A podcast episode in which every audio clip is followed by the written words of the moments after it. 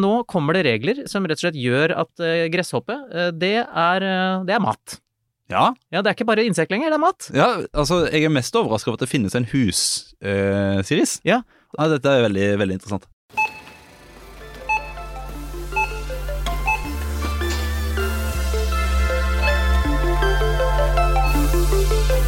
Hjertelig velkommen til Handlevogna, podkasten om noe av det aller viktigste her i livet. Noe som berører oss alle. Nei, fatter'n, jeg snakker ikke om skøytetider fra 60-tallet, selv om jeg fortsatt ikke klarer å slette fra hukommelsen at det var i 1961 at nederlenderen Henk van der Grift ble verdensmester på skøyter. Men nei da, handlevogna skal handle om hva du putter i handlevogna, bærer hjem i handleposen og slenger i stekepanna, eller styrter fra flaska eller kartongen. Ja, kort sagt, mat og drikke, for det trenger vi jo alle for å overleve. Jeg heter Bendik Solum Wist og er bransjedirektør for dagligvare i hovedorganisasjonen Virke. Og med meg i dag så har jeg Runar Viksnes. Hei på deg, hvem er du? Jeg er sjefanalytiker i Virke. Du store min, er du mest sjef eller mest analytiker? Ja, jeg er nok helt klart mest analytiker. Å ja. Sjef kanskje mest i eget liv. Ja. Jeg har i hvert fall ingen, eh, i, eh, ingen som jeg er sjef over. Jeg skal ringe til eh, den du deler hus med og høre om det stemmer. I dag kan du i hvert fall få muligheten til å være både sjef og analytiker i denne podkasten, så får vi se om du blir invitert tilbake. Det, det kommer nok an på hva kona sier. Og til lytterne, jeg er relativt ny i denne bransjen, og jeg har så mange store og små spørsmål om dagligvarebransjen, som for eksempel, hvorfor stiger matprisene? Stiger de mer i Norge enn i andre land? Er det egentlig god nok konkurranse i norsk dagligvare? Hvem er aktørene? Hva skiller dem fra hverandre? Hvor mange ledd er det i verdikjeden for mat? Handler vi annerledes enn folk i andre land? Hva syns folk om butikkjedenes egne merkevarer, og er de egentlig bra for konkurransen og forbrukerne? Og selvfølgelig, det viktigste spørsmålet, hvorfor står melka innerst i butikken? Runar, vet du svaret?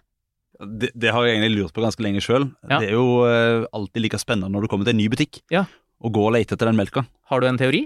Ja, altså det, det finnes jo uh, i hvert fall to forskjellige grunner til det, tror jeg. Mm. Det ene er nettopp fordi at alle har melk på handlelista. Så du må gjennom hele butikken Mm. for å finne det.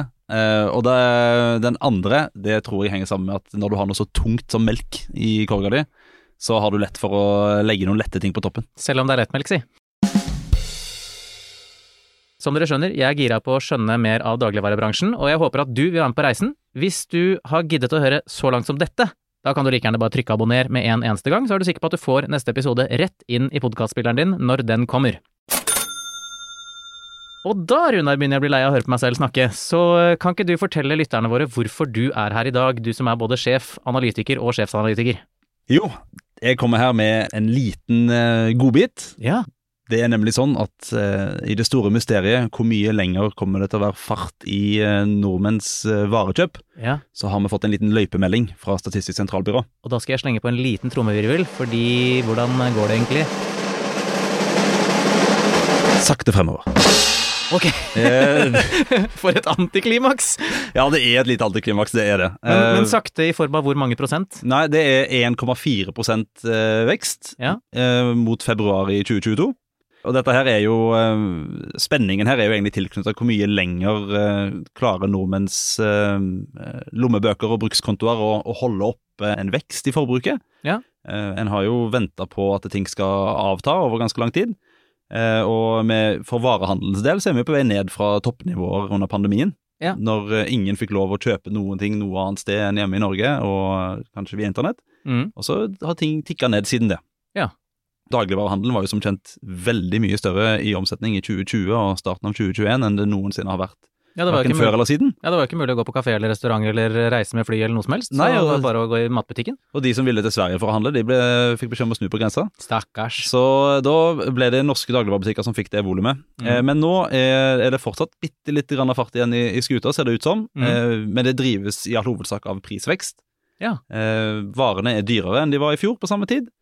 Og volumet er lavere, altså det er færre varer i kurga og færre handlekurger gjennom kassen. Nettopp. Færre varer, men de som kjøpes er dyrere, og derfor så er det fortsatt bitte litt grann, mm, vekst i omsetningen. Bitte litt grann vekst. Okay. Eh, hvis vi zoomer ut bitte litt, så ser vi at eh, i januar så var det tilsynelatende en enda bedre fart i skuta. Ja. Eh, men det skyldtes at eh, mange flytta eh, noen varekjøp fra februar til januar.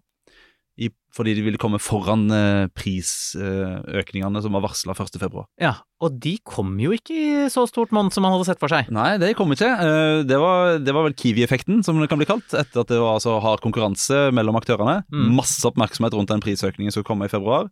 Og så viste det seg at den uteble, rett og slett. Det ble så hard konkurranse at eh, veksten ikke ble så stor som venta i februar. Nettopp. Og det kan jeg love dere lyttere, det skal vi komme tilbake til i denne podkasten.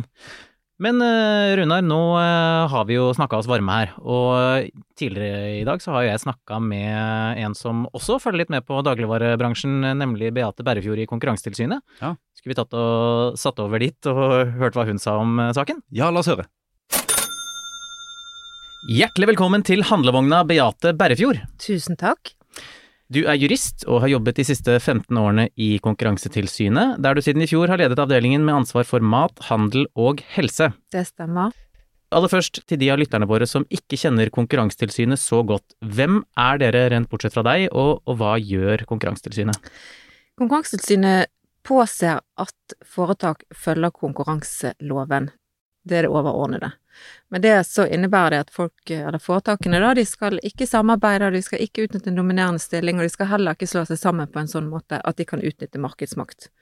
Det er helt sånn overordnet det konkurranseloven handler om, og det, det er vår jobb å påse og håndheve den loven, da. Og i tillegg så følger vi med på konkurransen i markedet og ser om det eksempel er reguleringer eller andre ting som kan påvirke konkurransen, og så kan vi påpeke det til offentlige myndigheter.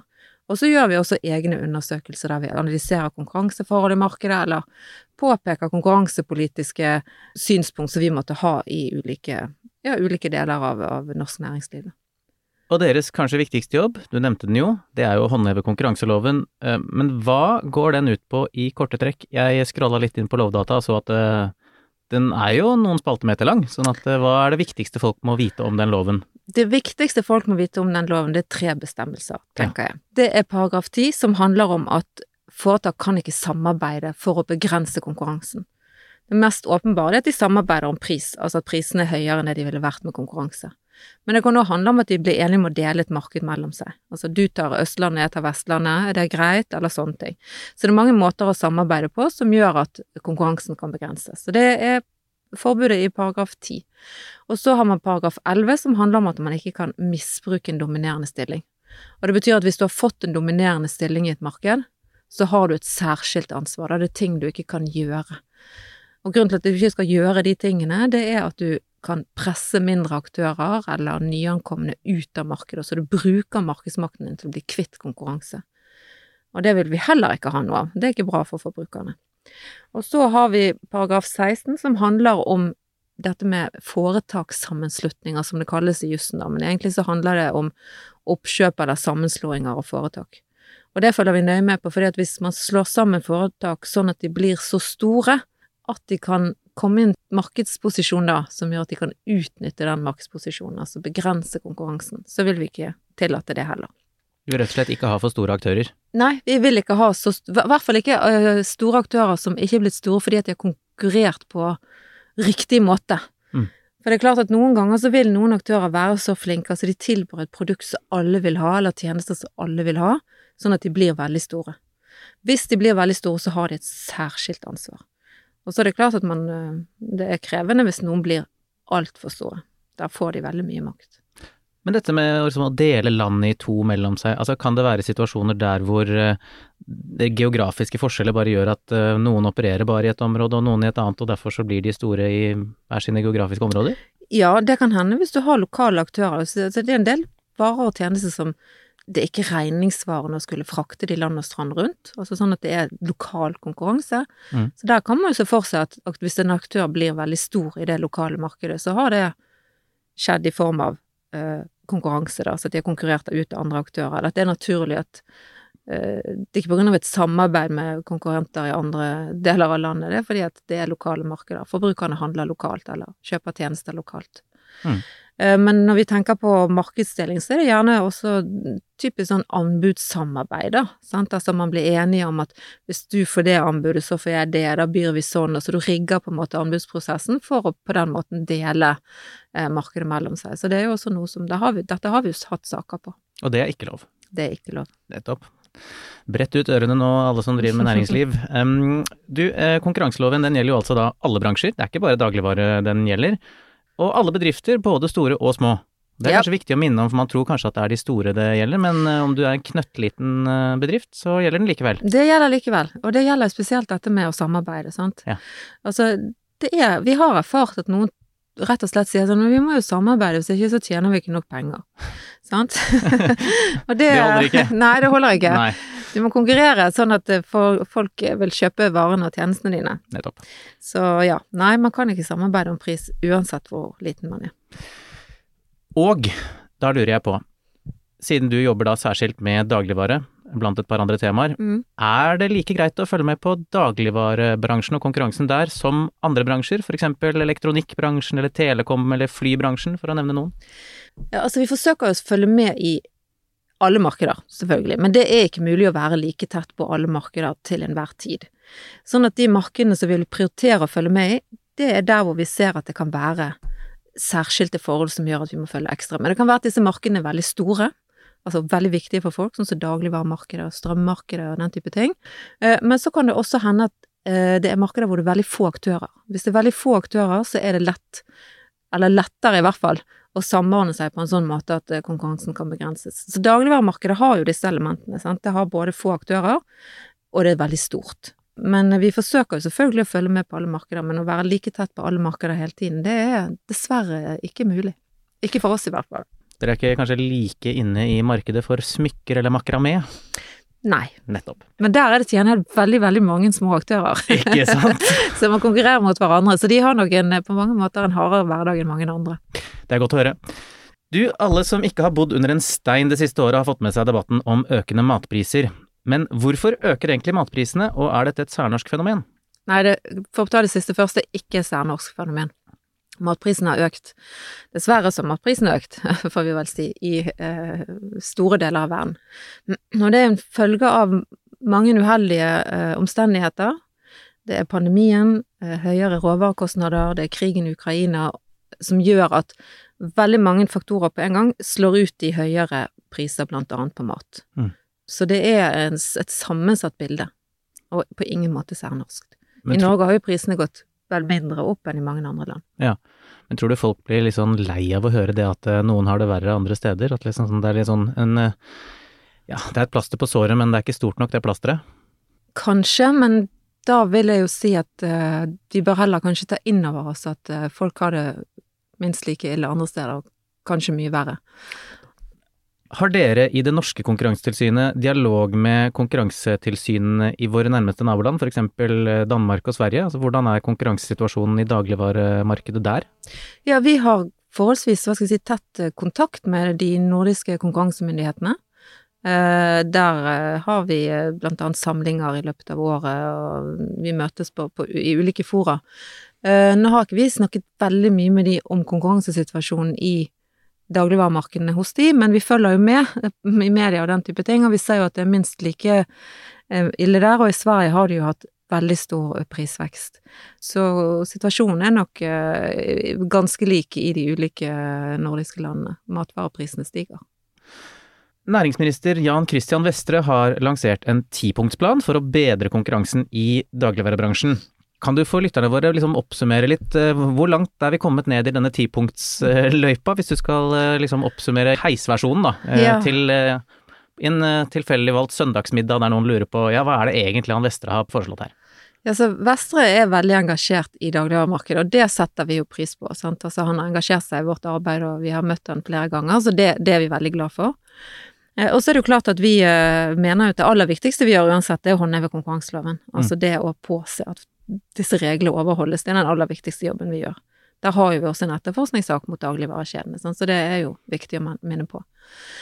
Eh, og så er vi jo eh, klar over selvfølgelig disse forskriftsforslagene som har vært. Der har vi jo gitt høringsuttalelser, og vi er nok litt skeptiske til noe av det som har kommet fra politikerne. Det vet jo veldig mange, at når det gjelder regulering av forskjeller i innkjøpspriser, så tror ikke vi at det er en god idé for å få til eh, økt konkurranse i det norske dagligvaremarkedet. Tvert imot så mener vel vi at faren for at prisene øker til norske forbrukere, eh, er overveiende, sannsynlig. Sånn at vi, eh, vi er nok ikke helt på bølgelengde med, med politikerne der. Så vi ønsker vel en mer sånn helhetlig tilnærming til markedet, da. Men vi ser jo på flere av disse tingene, og vi holder på med marginundersøkelser, eller vi skal i hvert fall begynne med det. sant? Ja. Altså det er noe av det som vi driver og planlegger hvordan man skal gjennomføre på en god måte. Eh, og vi vil jo også se på en del andre av disse ordningene som er i markedet, da, som er prisjusteringsvinduer og den type ting. Så vi, så vi gjør mye parallelt her, men, men det viktigste arbeidet vi gjør, det er å håndheve konkurranseloven. Og så kan det noen ganger være situasjoner der konkurransereglene ikke alltid treffer, og, og da har vi jo foreslått et sånt markedsetterforskningsverktøy da, som vi er litt spente på om blir noe av. Ja, for det er jo et av de åtte punktene, og det tenkte jeg vi skulle drille litt i. Mm. Um, og alle lytterne kan jo selvfølgelig gå på regjeringen.no og lese tipunktlisten, jeg tror det er nummer åtte på den listen. Uh, men dette markedsetterforskningsverktøyet, mm. hva går det ut på? Så vidt jeg har skjønt fra konkurranseloven, så har jo dere ganske vid hjemmel til å gå inn og be om informasjon fra bedrifter for å undersøke om konkurransen er god osv. Så. Mm. så hva er det dere savner? Nei, det som vi noen ganger savner, og da er det igjen viktig å si at vi mener at konkurranseregler er veldig gode, altså vi mener de treffer godt, sånn at i utgangspunktet så, så er de tilstrekkelige. Men så er det i noen tilfeller at utviklingen i markedet skjer på en sånn måte at den ikke kanskje treffer helt, vi klarer ikke å komme helt i inngrep med problemene i det aktuelle markedet. Og det som andre konkurransemyndigheter eh, har, sett en del på nå den senere tid, det er jo disse digitale markedene. Og så har vi sagt at kanskje noen eh, av de utfordringene som er i dagligvaremarkedet, kunne vært bedre løst med et markedsetterforskningsverktøy. Altså det vil være mer treffsikkert, man kan ta mer tak i det direkte problemet eh, enn det man kan med å bruke konkurranseloven. Men så er det viktig for meg å understreke at nå er jo det Vi venter på at det skal komme på høring, et, eh, innføringen av dette verktøyet, og, og noe av det som vi må få til, det er jo at rettssikkerheten til foretakene ivaretas. Så vi tar ikke lett på dette her, det er ikke sant vi tenker at nå skal vi tre noe nedover hodet på folk som vi bare kan bruke i kreti og pleti akkurat som det passer oss. Det skal være i særskilte tilfeller der vi ser at det er en god måte for norske forbrukere å få til gode løsninger på, samtidig som foretakene skal ha forutberegnelighet og rettssikkerhet. Så det blir spennende. Ja, Mm. og da kan det jo hende at når dette her kommer eh, ut på eteren, at eh, denne høringen allerede er igangsatt. For det er jo rett rundt svingen. Ja. Vi må jo også snakke litt om elefanten i rommet, eller elefanten i handlevogna om du vil. Konkurransetilsynet har jo over lengre tid pekt på at det kanskje bør gjøres justeringer i det såkalte importvernet. Mm. Kan du først bare forklare hva går importvernet ut på? Det er ganske bred politisk enighet i Norge om at vi skal beskytte norsk landbruk, fordi at vi vil ha mm, landbruk over hele Norge. Mm. Og vi vil at det skal være mulig å drive landbruk over hele Norge. Det er ikke det vi utfordrer med å se at man kan se på importvernet for mulige justeringer. Sånn at det er veldig viktig for oss å si. Ja, og tidlig, ikke sant, sånn før, før du blir beskutt. Ja, ja fordi at det er sant, altså det, dette er vi, vi beliter oss, som vi sier i Bergen, og vi beliter oss på at vi har en jordbrukspolitikk som, som har et, eh, et, en, et høyere mål da enn det Eller et annet mål, jeg vet ikke hvordan man skal si det, men i hvert fall et mål Et hensyn som veier mer enn det konkurransen gjør. Ja. Eh, Og det er helt greit. Det, det må vi leve med i, i noen ganger. Og det kan handle om at man vil ha forsyningssikkerhet eller distriktsbosetting Det kan eller handle om distriktspolitikk og forsyningssikkerhet og hvordan Norge skal se ut og altså, sånn, så det er mange forhold som spiller inn der. Og så er det helt legitimt at politikerne tenker ja, men det veier faktisk tyngre enn at vi skal ha konkurranse på lik linje med Sverige eller Danmark eller andre land som vi liker å sammenligne oss med. For det, det har vi ikke, sant. Altså vi er ikke en del av EU, og vi har ganske strengt tollvern for det som er av norske varer, da. Ja. Altså som vi, som vi produserer her hjemme.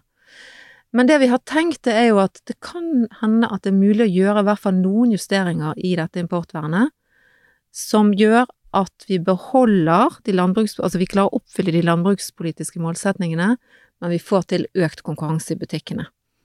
Og akkurat hva de tiltakene eller de justeringene skulle gått ut på, det har ikke vi tatt stilling til, det må, må jo i så fall undersøkes, men det er lenge siden man har sett på det, og vi tenker at kanskje burde man gjøre det, fordi at det er viktig for, for norske forbrukere.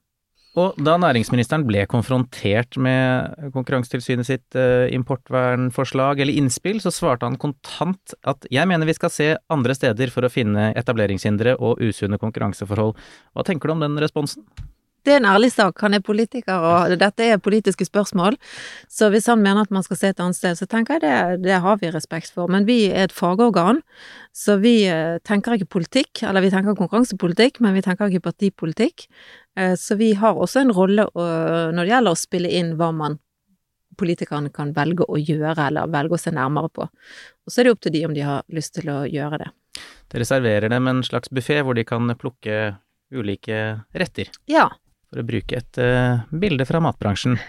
Forsøker å komme med litt veiledning innimellom. Mm. Du, I debatten om uh, matpriser så er det jo veldig fokus på det siste leddet i den eh, lange verdikjeden, Mm. Uh, og det er jo butikkene, for det er der vi som forbrukere går og ser prislappen på matvarene, og så kan det hende at vi blir jublende glad eller forarget. Men eh, hvordan jobber dere med å overvåke hele verdikjeden, fordi maten eh, har jo en lang vei fra åkeren og inn til eh, middagstallerkenen? Ja, det er helt riktig. Og vi, vi tenker faktisk veldig mye på at det er en hel verdikjede her, og vi mener jo òg at det er viktig å se hele verdikjeden i sammenheng når man diskuterer konkurransen i det norske markedet. Det er derfor vi også har vært opptatt av at, sant, at det er et importvern, og at det har noe å si for hvordan konkurransen ser ut i butikkene. Eh, Men det vi gjør, er at vi i tillegg til å, å selvfølgelig håndheve konkurranseloven og følge med på den måten, så har vi veldig tett dialog med veldig mange aktører i markedet, og òg i hele verdikjeden. For å få deres ulike synspunkt på ting, for å få opplysninger fra de. Vi innhenter jo masse informasjon fra hele markedet. Så alt dette til sammen gjør at vi har en veldig god oversikt over nettopp hele verdikjeden, og det er viktig. Og når det gjelder de som eh, tilvirker maten og lager den til oss, hvor god er konkurransen i det leddet? For vi vet jo at i siste leddet så er det jo noen få aktører, eh, Mm. tre store og noen litt mindre, og så er det jo litt sånn flytende grenser nå fordi det er kommet en del nye butikker som selger ting som man vanligvis kjøpte i dagligvarebutikkene før. Det er gøy. Ja, det det er gøy, ja, for konkurranse. Ja. ja. Eh, Men, men hvordan er det med det leddet imellom? Det leddet som man ikke ser så mye til, men som, eh, og kanskje ikke hører så mye om heller? Fordi Nei, de som lager pizza og kaffe og alt mulig annet? Ja, nei, det er jo leverandørene, og der òg har jo vi flere ganger påpekt at i hvert fall for en del av de varene vi kjøper da, så er eh, også leverandørleddet ganske konsentrert, og det har jo en side til norsk eh, jordbrukspolitikk. Så det er konsentrasjon ikke bare på butikkleddet, men også eh, på leverandørleddet i Norge, og det har betydning for konkurransesituasjonen i dette landet. Så det er veldig viktig å huske på, og det er viktig å huske på når man når man diskuterer eh, matvarepriser, da, at eh, Norge er et annerledesland. Vi skiller oss fra, fra nabolandene våre på, ja, på jordbrukspolitikk, men også på vår, hvordan vi har bosatt oss, på at vi er ganske få, spredt over store områder i et land der det eh, Hva skal jeg si Det er ikke alltid like lett fremkommelig, eh, så, så vi har noen andre utfordringer enn det mange andre har. Det gjør oss til et eh, artig land, men noen ganger et litt krevende land å drive konkurranse i. Før vi slipper tipunktslista til Vestre fullstendig, så er det ett punkt eh, til som nå er under utredning, og det er dette begrepet EMV, egne merkevarer. Mm. Eh, Det skal først utredes hva EMV er. Der kommer vel konklusjonen eh, hvert øyeblikk. Og så skal man finne ut av er det akkurat passe mengde med egne merkevarer i Norge, er det litt for lite, er det litt for mye, osv. Hvordan eh, forholder Konkurransetilsynet seg til egne merkevarer? Altså, i utgangspunktet så er vi positive til egne merkevarer, sant. Altså, nå sa jeg i sted at leverandørleddet i Norge, i hvert fall for veldig mange varekategorier, er konsentrert. Så det at man får utfordrere til disse, det er veldig bra. Og det kan man gjøre gjennom egne merkevarer. Og da snakker vi eksempler som liksom eh, Coop har sin ekstraserie, eller Englamark som er økologisk, eller First Price som er billig, eller Ja. Jacobs utvalgte som er eh, luksuriøst, Ja. og så videre og så videre. Sant? Så det gjør liksom dagligvarebutikken litt mer, eh, litt mer varierte, da. Sånn, Så det tenker vi er i utgangspunktet positivt. Eh, Og så er det klart at vi òg er litt nysgjerrig på hva man skulle komme til etter hvert, fordi at eh, det kan selvfølgelig bikke, nemlig at eh, man får eh, som en stor eh, dagligvarekjede for stor kontroll også på leverandørleddet. Så det må man jo unngå. Så det er bare langsegang her. Men, eh, men jeg syns det er viktig å si at sånn i utgangspunkt så tenker vi at EMV er bra. Det er bra for norske forbrukere, det er bra for konkurransen. Og så må det ikke bli sånn at det blir helt umulig for, for andre å komme til, fordi at kjedene har kontroll på hele verdikjeden, egentlig. Altså i hvert fall fra leverandørledd og ned. Så det er viktig at vi ser på det. Mm. Eh, Men er det liksom mulig å finne det der knekkpunktet hvor liksom Mm. sånn det er veldig bra opp til akkurat der, og så, men derfra ut så blir det dårlig? Og det er nå jeg er glad jeg ikke er økonom. Nettopp for det, økonomene har vel en eller annen sånn du- ser det knekkpunktet på en eller annen graf. Ja, det kan i hvert fall hende at de har det, men eh, jeg tror jo det er veldig vanskelig. Ja. Sant? Og så vil man komme tilbake til det veldig kjedelige juridiske eh, begrepet alt beror på en konkret vurdering. Men det er klart at det vi håper at man skal finne ut av, det er vel om det er noen sånn cirka altså hva skal til for at det blir for mye og for lite, så, så jeg, jeg tror det kan være bra for oss å ha en idé om det, i hvert fall. Og det kan jo ha noe å si for ja, hva vi skal gjøre videre. Ja, Da sier jeg som de ofte sier på Abelstårn, eh, mer forskning trengs. ja, alltid. Alltid. Du, eh, vi skal straks gå inn for landing, men eh, på en skala fra 1 til 36,9, hvor god er konkurransen i norsk dagligvarebransje? Tilfeldig valgt tall. Jeg kan ikke spørre konkurranselinen sånn, det er alltid, alltid bare med forbehold for ditt og datt. Nei, altså, konkurransen i norsk dagligvaremarked, den kunne nok vært bedre. Sant? Altså, vi må jo gjenta, vi etterforsker kjedene. Det er et konsentrert marked, både på leverandørsiden og i dagligvaremarkedet. Det er mye regulering her, og vi ser ut som vi gjør i dette landet. Så det er klart at sånn perfekt konkurranse, det tror jeg ikke vi kan si at det er norsk dagligvaremarked. Eh, Men det er jo, eh, det er jo noe konkurranse her. Vi har jo tross alt fått lavere prisstigning enn de har eksempel i Sverige. Så tenker vi får være glad for det, men vi følger i hvert fall veldig godt med. Og så syns jeg det er vanskelig å si akkurat hvor god eller dårlig den er, men at vi skal være tett på fordi at her er det utfordringer, det er det i hvert fall ingen tvil om. Konkurransetilsynet jobber dag og natt. Ja, det gjør vi faktisk. Vi skal straks gå inn for landing, men jeg har et obligatorisk dobbeltspørsmål til eh, alle mine gjester.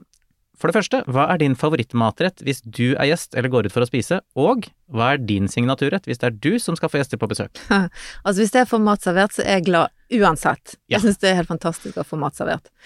Men jeg har noen ganger tenkt at hvis jeg måtte spise én matrett resten av livet, Mm. så er det eh, noe så kjedelig som pizza margarita. Oi! Ja. En gammel klassiker. Ja, det kunne jeg tror jeg spist hele tiden. Ja. Jeg er veldig, veldig glad i det. Ungene er litt sånn skal du ikke prøve noe annet? Og det gjør jeg ofte, men jeg syns liksom altså det, Min go to, det er den. Ja. Men den må være god. Ikke Ja, ja, sant? den må være god. Italiensk. Ja, og så trøster jeg med at jeg har lest at italienerne mener at egentlig pizza, det er egentlig pizza margarita. Jeg har også hørt det. Mm. Mm. Og hvis du skal eh, lage maten, da? Hva blir det da? Pizza margarita? Nei, for det kan jeg ikke lage. jeg har ennå ikke klart å lage det så godt. Men eh, jeg er vel kommet til et punkt der jeg er ganske lei av å lage mat, for å si det rett ut. Så inspirasjonen de siste årene har ikke vært så god. Men hvis det er én ting som i hvert fall får spørsmål om hvordan var det du laget det, Bjart, så er det faktisk eh, fiskesuppe. Oi, Ja. se det. Mhm. Og vi burde spise mer fisk, har jeg hørt. Ja. Ja. Så den kan jeg få ganske eh, greit til. Men nå forsøker jeg å få andre i familien til å bli veldig inspirert til å lage mat. Det er en strategi jeg har Mm. prøvd på selv også. Få barna til å bidra mer. Det tenker jeg er fremtiden. La oss håpe det. Mm. De skylder oss såpass, syns jeg. Tusen takk for at du kom på besøk til handlevogna Beate Berrefjord. Veldig hyggelig å være her. Tusen takk. Og velkommen igjen ved en senere anledning. Tusen takk. Ja, Runar, da var første intervju eh, i handlevogna gjennomført. Hva syns du? Du, det var veldig interessant. Var jeg flink? Ja, jeg syns du klarte deg fint. Tusen takk. Eh, og flere intervjuer skal det bli, men det blir i neste episode. Nå er vi kommet til den siste spalten, som ennå ikke er navngitt, men jeg har noen forslag basert på at eh, det må liksom være rom for hva som helst, så lenge det har noe å gjøre med mat eller eh, ja, mat eller drikke eller dagligvarer. Eh, matnyttig eh, var noe jeg tenkte på. Eh, tilbudskurven, kanskje? Ja, det er fiffig. Ja, Har du noen forslag til hva en sånn spalte kunne hete, hvis den skal kunne romme alt? Impulshylla? Som er Ja, den, den hylla der eh, den sjokoladen som vi la i handleposen eh, sto, like ved kassen. Ja, den der hvor du liksom Det siste du putter i kurven, liksom. Ja. Eh, som du egentlig ikke trengte. Verken kostholdsmessig eller eh, Ja. Eh, Det stemmer, den som, den som avleder et spørsmål når du kommer hjem om hvorfor det er et sjokoladepapir i, i handleposen. Ikke sant? Den hylla. Impulskontrollhylla. Eh, eller ukas svinn. Svinn er jo et problem eh, når man kaster ting som holder på å gå ut på dato osv. Um, så, men kanskje vi skal bare be lytterne våre om å um, sende tips. Altså hvis dere har tips til hva denne spalten kan hete, bruk gjerne ordspill. Eh, Send det til bendik at virke.no, og så skal jeg ta, vurdere dem. Og så kanskje spalten får et navn i løpet av noen episoder. Spennende. Yes. Og denne uken, i hva enn denne spalten kommer til å hete, så har jeg med meg en ting fra Brussel. Jaha! Ja, Nå, nå ser jeg for meg at du står på en kasse på torget og erklærer siste nytt fra, fra Brussel. Du trenger ikke å røpe for lytterne at jeg ikke er verdens høyeste mann, men uh, det har du rett i. Jeg pleier å stå på en kasse og rope ut Hør, hør! Hør, hør! Kommisjonens gjennomføringsforordning av 3. januar 2023 om tillatelse til å bringe delvis avfettet pulver av Aketa domesticus i omsetning som nytt næringsmiddel, og om endring av kommisjonens gjennomføringsforordning nummer 2017-2470. Hva tror du dette handler om, Runar Viksnes? Nei, Det eneste jeg vet, er at folk hadde stimle til for å høre mer. Ikke sant? Fordi når noen roper hør, hør og starter med kommisjonens gjennomføringsforordning, da, da stimler folk sammen i Brussel. Det Ja, det, jeg fortelle. dette er åpenbart relevant. Helt klart. Men eh, oversatt til norsk så er dette rett og slett godkjenning av delvis avfettet pulver av, hold deg fast, hussiris, altså gresshoppe. Wow. Yes. Så det er rett og slett at nå kommer det regler som rett og slett gjør at eh, gresshoppe, eh, det, er, eh, det er mat. Ja, Ja, det er ikke bare insekt lenger, det er mat. ja altså, jeg er mest overraska over at det finnes en hus-siris. Ja. Ja, dette er veldig, veldig interessant. Og så er visstnok da litt av poenget her er å avfette den. Eh, Pleier du å avfette mm, de små husdyrene du har hjemme? Nei, altså De gresshoppene jeg avler frem i min egen eh, gresshoppemerde, den, eh, den, avfettes ikke. Nei, nettopp. Nei, fordi eh, da er det mulig at du unngår dette regelverket her, men eh, jeg syns jo det er interessant når man snapper opp sånne mm, gladnyheter om matbransjen fra, fra Brussel, at eh, dette byrået, eh, EFSA, European Food Safety Authority, som passer på at man ikke setter ting ut i markedet som du kan dø av, eksempel, de har sjekket eh, mulige allergikerproblemstillinger. Det høres ut som de sjekker mye rart, i og med at de har lagt en egen forordning for dette, dette produktet. Men Jo, jo. eh, Men jeg, det er jo godt å vite, da, for de som eksempel er allerede allergiske mot eh, krepsdyr, bløtdyr og støvmidd. Eh, det har de også testet, at da må du passe på at du ikke gir dem fôr som kan gi den typen allergiske reaksjoner når du spiser gresshoppe etterpå. ja, ikke sant. Ja. Altså, så da- kategoriseres landinsekter sammen med havets insekter, og det jo, gir jo god mening. Ja, de ligner jo på hverandre. Ja, på sett og vis. Ja. Reker og gresshopper. Ja, og altså eh, Skorpionen som går på land, den ligner jo på krepsdyr som går eh, nede på havbunnen. Så mm, det, er, det er logikk i alt. Det, det er riktig, og nå skal jeg huske på det neste gang jeg eh, inviterer gjester på, på middag. Ja. Skal jeg sjekke det også i en sånn tickbox. Og jeg vet ikke akkurat om dette, kjære lyttere, var um, matnyttig informasjon, men det var i hvert fall relatert til mat. Uh, nå blir det snart uh, mer gresshoppe i monitor uh, når du skal lage kake. Og vi har siste nytt når det kommer nye reguleringer fra EU om saken. Flott. Ja. Og da er det på tide å gå inn for landing. Altså, det er jo ikke, det er ikke et fly vi har kjørt her. Hva er det man gjør i dagligvarebransjen da? Parkere handlekurven? Ja, parkere handlekurven. Unnskyld, handlevogna. Herregud, podkasten heter jo Handlevogna. Vi parkerer handlevogna og eh, stenger butikken og kommer tilbake om ikke lenge med eh, nye dagsavtaleteter eh, fra tall- og statistikkavdelingen og nye intervjuer. Og da gjenstår det bare å takke for oss. Ja. Takk for meg. Takk for meg òg.